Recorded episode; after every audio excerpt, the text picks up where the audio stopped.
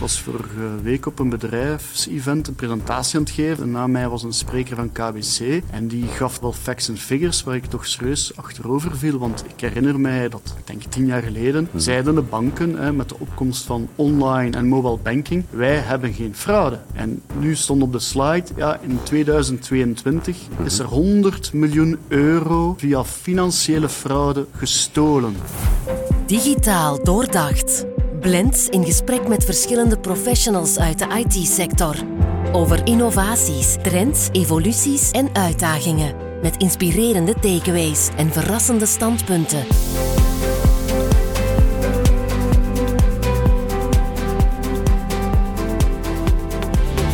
Digitaal doordacht. Een breedhoeklens op de IT-sector. Vandaag en morgen.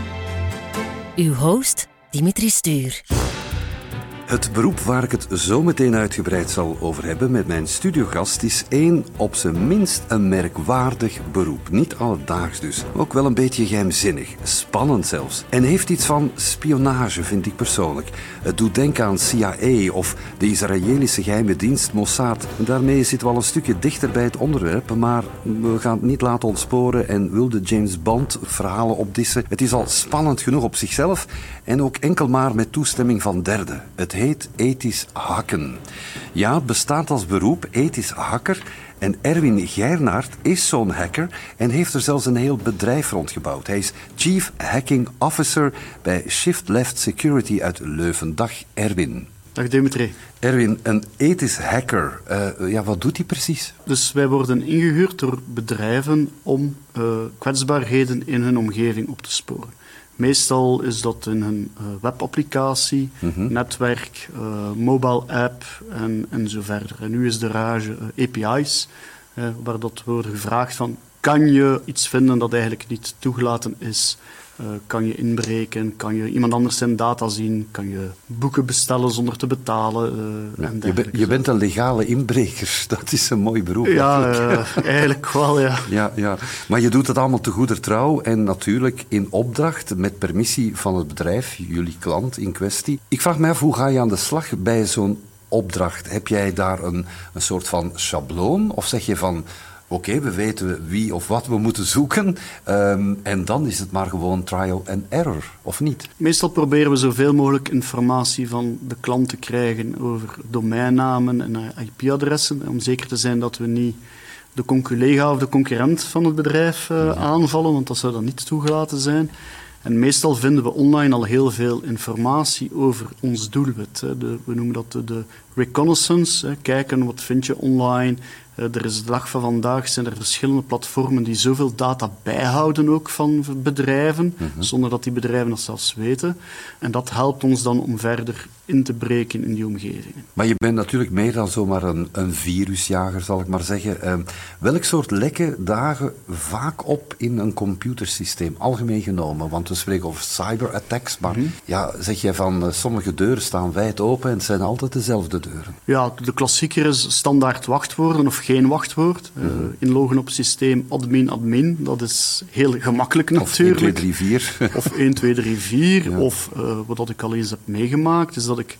eh, ik had geen account en ik ging naar de password reset en ik geef mijn e-mailadres in en ik doe password reset en ik krijg toch wel een mail, ook al had ik geen account. En dan klik ik op die link en dan mag ik mijn eigen wachtwoord kiezen. En dan ben ik beheerder op dat systeem.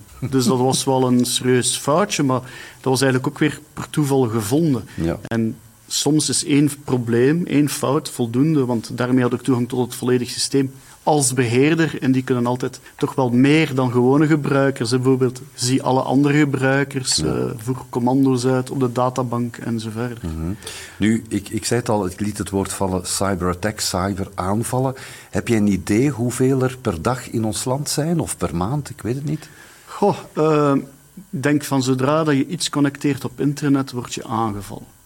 Dat is nu standaard eh, de regel. Eh, Vroeger was ik al blij dat ik eens een aanval kreeg op mijn honeypot om te kijken wat er juist gebeurde op het internet. Maar dat is nu ongelooflijk, want je wordt langs alle kanten aangevallen door verschillende groeperingen uit verschillende landen. Dus dat is toch wel eh, problematisch. Ik, ik val een beetje van mijn stoel, net niet bij wijze van spreken. Je zegt, ik word elke dag aangevallen. Wat doe je dan om zo uh, lukraak het slachtoffer te zijn? Ja, nee, uh, ze proberen aan te vallen, maar uh, de firewall houdt natuurlijk al die zaken tegen. Dus ze, ze geraken niet verder natuurlijk.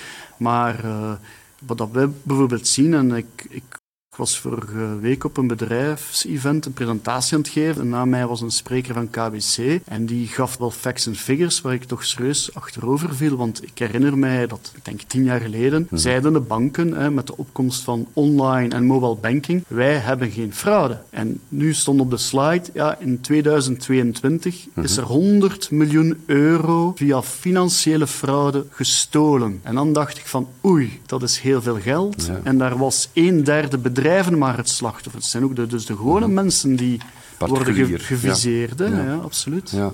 Nu, eh, als je het vergelijkt met het buitenland, of moet je dat niet doen dan, Erwin? Ik bedoel, België is niet anders dan Amerika.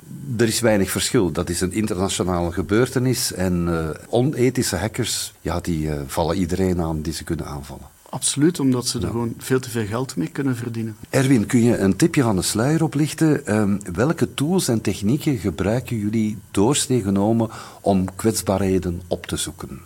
Ja, dus uh, er zijn heel veel tools, gewoon gratis beschikbaar, uh, die bijvoorbeeld op GitHub staan hè, als een code repository. En die worden ook misbruikt door de criminelen als zij die attacks doen. Dus zij mm. doen eigenlijk dezelfde manier zoals dat wij te werk gaan. Alleen gaan zij effectief om schade te berokkenen. Soms gebruiken zij hun eigen tools uh, voor specifieke platformen of applicaties aan te vallen. En dan zijn er natuurlijk nog de commerciële oplossingen, uh, die ook redelijk duur zijn om te gebruiken. Maar we proberen eigenlijk een combinatie te doen van open source tooling en dan commerciële tools. Maar dan een heel belangrijke tool bijvoorbeeld is, is Burp. Dat is misschien een rare naam voor een Belg, maar dat dat is een tool die was begonnen als echt een, uh, een Java-programma. Mhm. En nu is dat een commercieel bedrijf geworden dat, dat echt miljoenen gebruikers heeft, bij wijze van spreken, en ook er geld aan verdient om webscanning tools en, en dergelijke te ontwikkelen. Ja.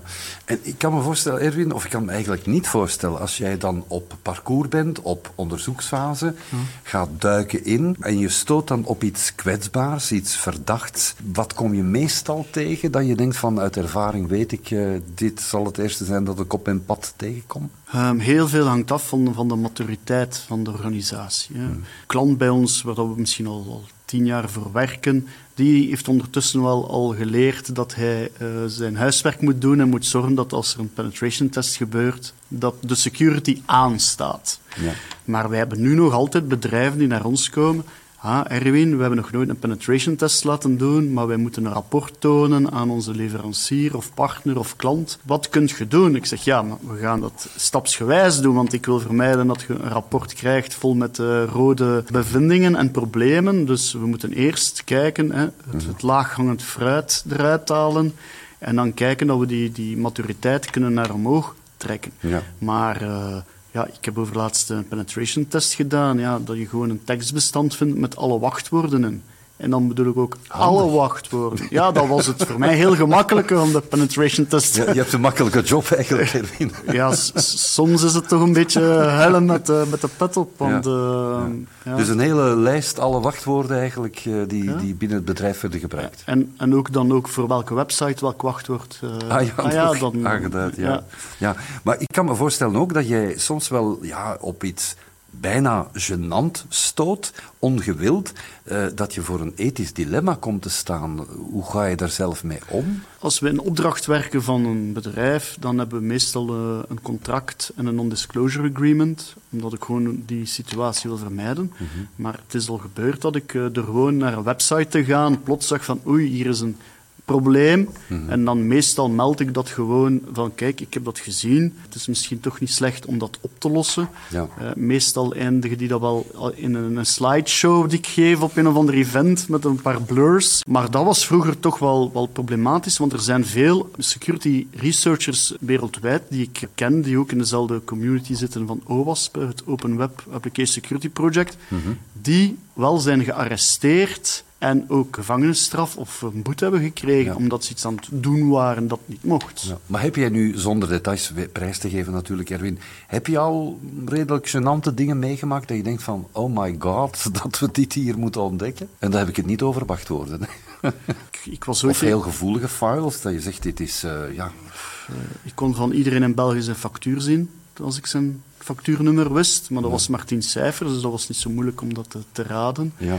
Uh, ik kon aan medische gegevens in een databank uh, via niet beveiligde webservice. Waar stopt het voor jou? Want ik, ik, ik kan me voorstellen dat je misschien verleid bent om toch verder te zoeken als je voelt van hier valt nog veel meer vlees aan het bot te vinden eigenlijk. Ja, waar stopt het dan? Ja, maar wat wij doen, wij willen die kwetsbaarheden in kaart brengen en we willen ze niet misbruiken om mhm. te kunnen aantonen van kijk, we hebben nu eigenlijk alles uh, kunnen overnemen en kunnen kapot krijgen en we hebben alle data gestolen. Dat, dat heeft geen zin, want wij, wij willen dat onze klant leert. Natuurlijk, uh, er zijn met die bug bounty programma's, moet je de criticiteit van een probleem kunnen aantonen. Wat kan je hiermee doen? En, mhm. en in dat geval gaan ze heel ver om te kunnen zeggen van kijk, ik heb alle klantgegevens uit de databank gehaald en die staan hier nu ergens op mijn cloud niet beveiligd. Dat is altijd het moeilijke van hoe ver wil je gaan. En ik, ik vind ook dat als een klant vraagt van oké, we willen een test en die betalen daarvoor, mm dat het voldoende is dat ik op basis van mijn ervaring kan zeggen, kijk, dat moet worden opgelost, want anders zijn dat de mogelijke theoretische gevolgen, zonder dat ik effectief het moet aantonen. Hè. Maar hoe zit het met het recht op privacy? Want als jij natuurlijk opdracht krijgt van een bedrijf, we gaan het straks even over jouw bedrijf hebben en specifiek waar je voor werkt, maar in dat bedrijf heb jij de opdracht om dit of dat als taak in te vullen. Hoe zit het dan met die privacy? Want ik ben de werknemer van dat bedrijf en ja, op hetzelfde moment zit jij eigenlijk misschien mee op mijn terrein, binnen mijn wachtwoordomgeving? Of, of stel ik mij nu een beetje te veel fantasie? Nee, vandaar dat we ook contracten tekenen, dat er mutual non-disclosure is. Dus als wij iets vinden, wordt dat ook uh, geheim gehouden, wordt dat ook uh, niet zomaar gepubliceerd. En uh, soms moeten wij ook een, data privacy agreement tekenen, dat wij een soort van subprocessor zijn. Ja, ja. Ik, ik wil nooit aan die data kunnen natuurlijk, maar zeg nooit nooit. Gelukkig heb ik klanten die daar heel bewust mee bezig zijn. En dat wij eigenlijk meer een soort van validatie doen. Het is oké, het is veilig, er zijn geen uh, vulnerabilities. Ja. Als ik het goed begrijp, zeg je van, wat dat is misschien de misvatting die bestaat rond ethisch hacken. Jullie hebben niet als plan van, we gaan het hier allemaal naar de verdoemenis helpen en dan aan de klant zeggen, kijk, als wij het niet gedaan hadden, was iemand anders uh, ons voor. Nee, jullie wijzen op de kwetsbaarheden er zijn en proberen de schade die misschien potentieel het gevolg zou kunnen zijn, proberen die dan recht te trekken met suggesties of programma's of... Uh, ja. Jullie geven advies ook aan bedrijven? Wij geven advies. Ja. Uh, wij doen ook hertesten van de, de zaak die we hebben gevonden om zeker te zijn dat ze zijn opgelost. Mm -hmm. Want ja, niks is zo frustrerend om een, heel veel tijd te steken in een, een, mooi rapport en dan dat er niks mee wordt gedaan. Dat, dat hebben we ook al gezien. Hè? Dus ja. uh, dat we elk jaar opnieuw meer problemen vonden, dus dat het rapport groter werd in plaats van kleiner. Dus wij geven advies, wij, wij bieden ook oplossingen aan. Wij proberen ook de IT-partner van de klant toch een beetje ja, de bewustwording te verhogen en ook ja, te helpen, want security is een heel moeilijk uh, en complex gegeven aan het mhm. worden. Die cyberattacks, cyberaanvallen, virussen, maar vooral die cyberattacks, zullen die alsmaar blijven toenemen, Erwin? Of zeg je van, we zitten nu aan het plafond, het zal niet erger worden? Ik vrees dat we nog maar aan het begin van het einde zijn. Ik denk dat de, de move naar de cloud er veel mee te maken heeft. Het gebruiken van, van wachtwoorden die dan eigenlijk eenvoudig te raden zijn of mhm. niet afgeschermd zijn met een, met een bijkomende factor, hè, zoals uh, een code op uw gsm of een, of een uh, mobile app die uh, kan de toelating geven. Ja. maar ook de complexiteit. Hè. Alles wordt dag van vandaag heel complex qua IT. Voor de gewone gebruiker, hè, die, die, die mhm. ziet dat niet. Maar hoeveel servers uh, en capaciteit er nodig is om bepaalde platformen te doen draaien, ja, dat maakt het toch wel heel moeilijk. Ja. En dan ook, bedrijven willen nog altijd geen budgetten voorzien voor security, omdat het, het is toch een kost die niet berekend is. Daar gaan we het dadelijk over hebben, over uh, die piste. Ik wil even naar, want we praten nu de hele tijd, Erwin, over bedrijven, hoe ze zich kunnen wapenen, dankzij jullie vaststellingen. Maar binnen een bedrijf zitten ook mensen, werknemers. Die gebruiken allemaal een smartphone en Je hebt mij eens verteld een tijdje geleden, ook daar zit heel veel slordigheid op. Hè. Als ik me niet vergis of herinner, zei je me, ja, elke smartphone is eigenlijk een lekkende smartphone. Ja, omdat de gebruiker, die geen IT-persoon is, Mhm. die heeft ook geen kennis waarom dat hij een pascode nodig heeft of waarom dat hij Face ID moet configureren en waarom dat die updates nodig zijn. Het allerbelangrijkste is dat als je een smartphone of een computer hebt, is dat je zorgt dat die altijd up-to-date is. Mhm. En we zien nu de trend, bij, zeker bij Apple, die zijn iedereen zo hard aan het pushen om ofwel naar een nieuwe iPhone te gaan, hè, omdat de, zit een commerciële ja, dat- achter uiteraard. Omdat daar ook meer eh, security, Ja. beveiligingen beter zijn, maar ook omdat de nieuwste versies alleen maar op de nieuwste toestellen draaien. Is het dan ook eh, wat, wat doorsnee gebruiker? Jij dan iets minder, hè? je bent geen doorsnee gebruiker, je bent een IT'er, een, een ethisch hacker. Maar doorsnee gebruikers, werknemers in een bedrijf, hebben die een vals gevoel van veiligheid dan? Ik denk dat ze daar gewoon niet mee bezig zijn, omdat het Ja. hun, hun job niet is. Wij doen heel veel phishing simulaties voor klanten. Mhm. hè, dus je krijgt dan een heel moeilijke phishing mail die fake is, maar er wordt nog heel veel op geklikt. En meestal als de mensen weten dat er een dergelijke campagne zal plaatsvinden, dan is men heel bewust van oei, ik moet opletten. Maar Ja. na een paar weken is men weer met het werk bezig en dan ja, sturen wij opnieuw een, een nieuwe phishing mail. hè, en dan zien we dat het klikgehalte verhoogt, Ja, ja. maar ook nog altijd dat mensen hun wachtwoord ingeven op een website die eigenlijk niks te maken heeft met het bedrijf, of met Microsoft of Google bij wijze van spreken, is toch wel verontrustend. Ja. En nu ga ik het toch stellen jou, Erwin. Aan wie kan ik het anders stellen? De ethische hacker in België. Kijken de Chinezen echt mee op mijn TikTok-account? Ik denk dat ze heel goed weten wie TikTok heeft staan, waar dat die geografisch zit, voor welk bedrijven dat die werkt, eh, welke content dat er eventueel op die gsm staat. Triggert jou dat, als je dat hoort in het nieuws en heel vaak over TikTok nu heel specifiek, dat je dan zegt vanuit jouw beroep, jouw professionalisme, van hmm, dit ga ik vanavond tijdens mijn vrije uren ook eens bekijken, in hun code probeer te doorbreken? Of zeg je, nee. Uh, er zijn rapporten al genoeg Ja. over dat het gebeurt. En Ja. Ik heb vorige week nog gezien dat de cyberunit in Nederland en ook de militaire inlichtingendienst zeggen onze bedrijven worden nu aangevallen door de Chinezen.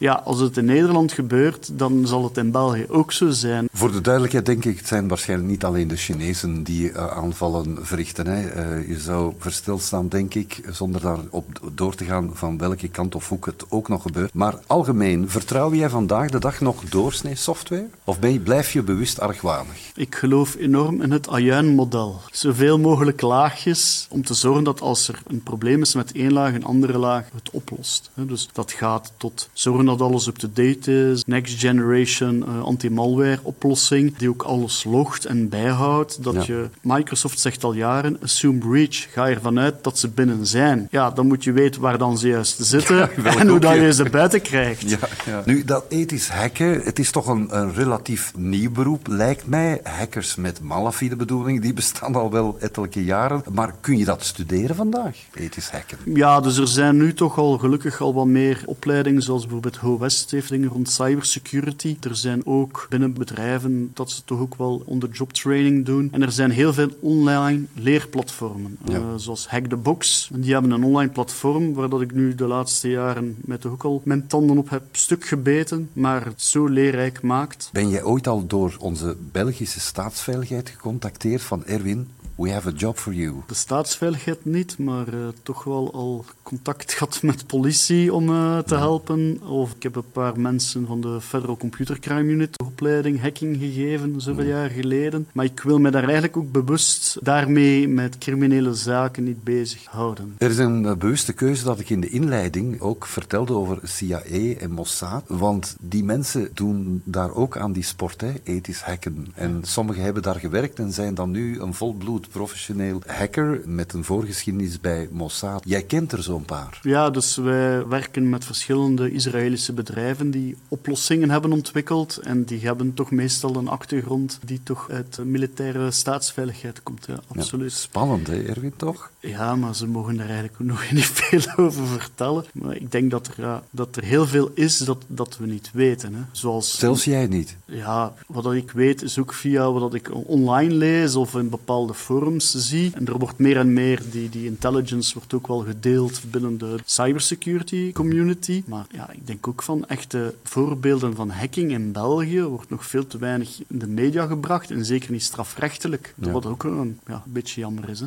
Je bent Chief Hacking Officer bij je eigen bedrijf Shift Left Security uit Leuven. Dat heb je opgericht in 2019, hè, dacht Ja. ik. Ja. Jullie doen aan softwarebeveiliging voor start-ups en scale-ups. Waarom precies die twee groepen? Eigenlijk is dat puur geluk. Dat ene start-up stelt u dan voor bij een andere start-up en, en zo begint het een beetje te lopen. Ook omdat ik heel graag met van die innovatieve jonge bedrijven werk. Eén, ze hebben zelf geen security mensen in dienst, dus dat is leuk voor ons dat wij dan het aanspreekpunt zijn. Twee, die zijn ook bezig met de nieuwe technologieën, die zijn meestal volledig op cloud hebben ook de nodige challenges. Ik heb bijvoorbeeld een start-up in, in, in medical devices die wereldwijd hun eh, oplossing levert. Ja, die krijgen toch wel vragen van hoe beveilig je dit en hoe pakken jullie dat aan? En dat is wel interessant om daarmee samen te werken als eh, partner. Ik las in een blog op jullie site, shiftleftSecurity.be, titel Backuppen van vroeger is vandaag databescherming. Leg eens uit. Ja,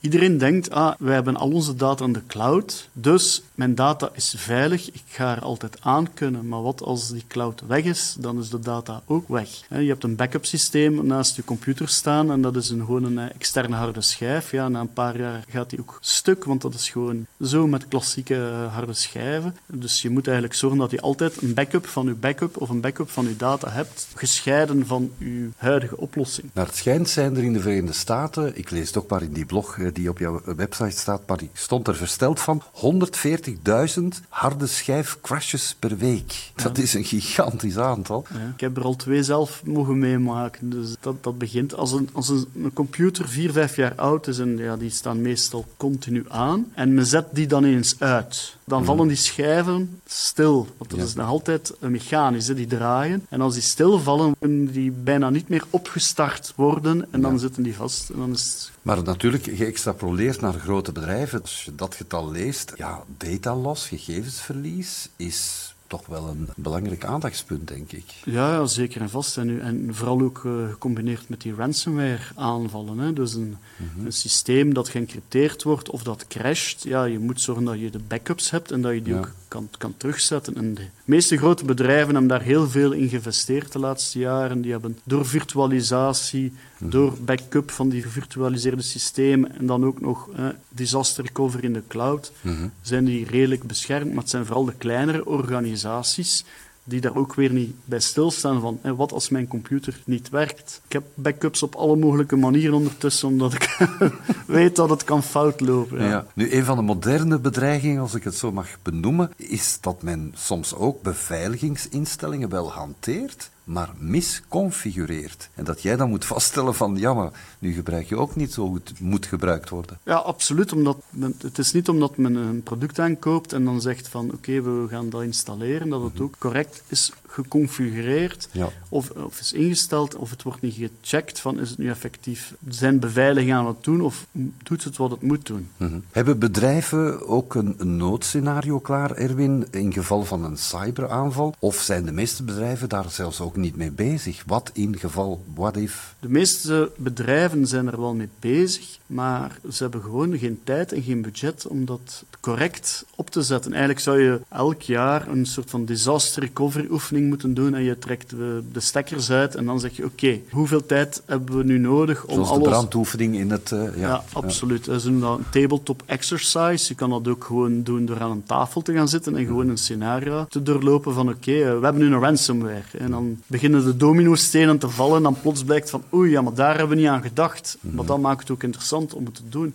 Maar als het puur reactief blijft van op het moment van een incident, is men meestal niet voldoende Ja. voorbereid. Ja. En meestal ook te laat. Want eenmaal hackers binnen zitten, dan Oh ja, dus- is de schade geleden al. Hè. Er heeft mijn bedrijf mij gecontacteerd van, ah ja, Erwin, we hebben hier een ransomware, maar ze hebben de backups overschreven. Ik zeg, oei, ah ja, het was ook een default wachtwoord. Ik zeg, ja, en uw IT-partner? Ah ja, die zeggen de security, daar kennen we niks van.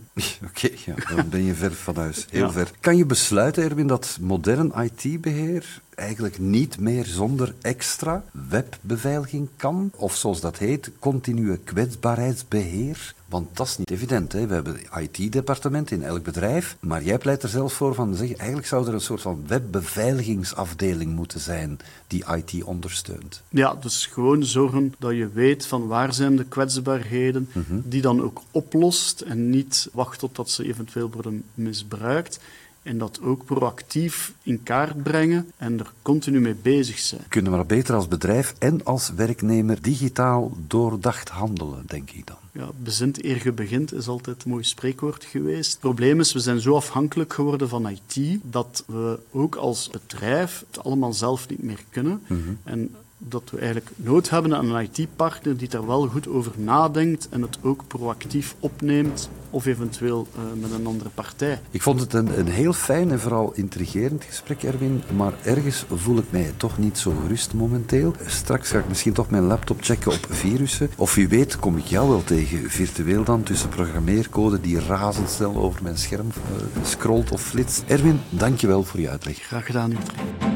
Dit was Digitaal Doordacht, een podcast van Blends voor innoverende ondernemers.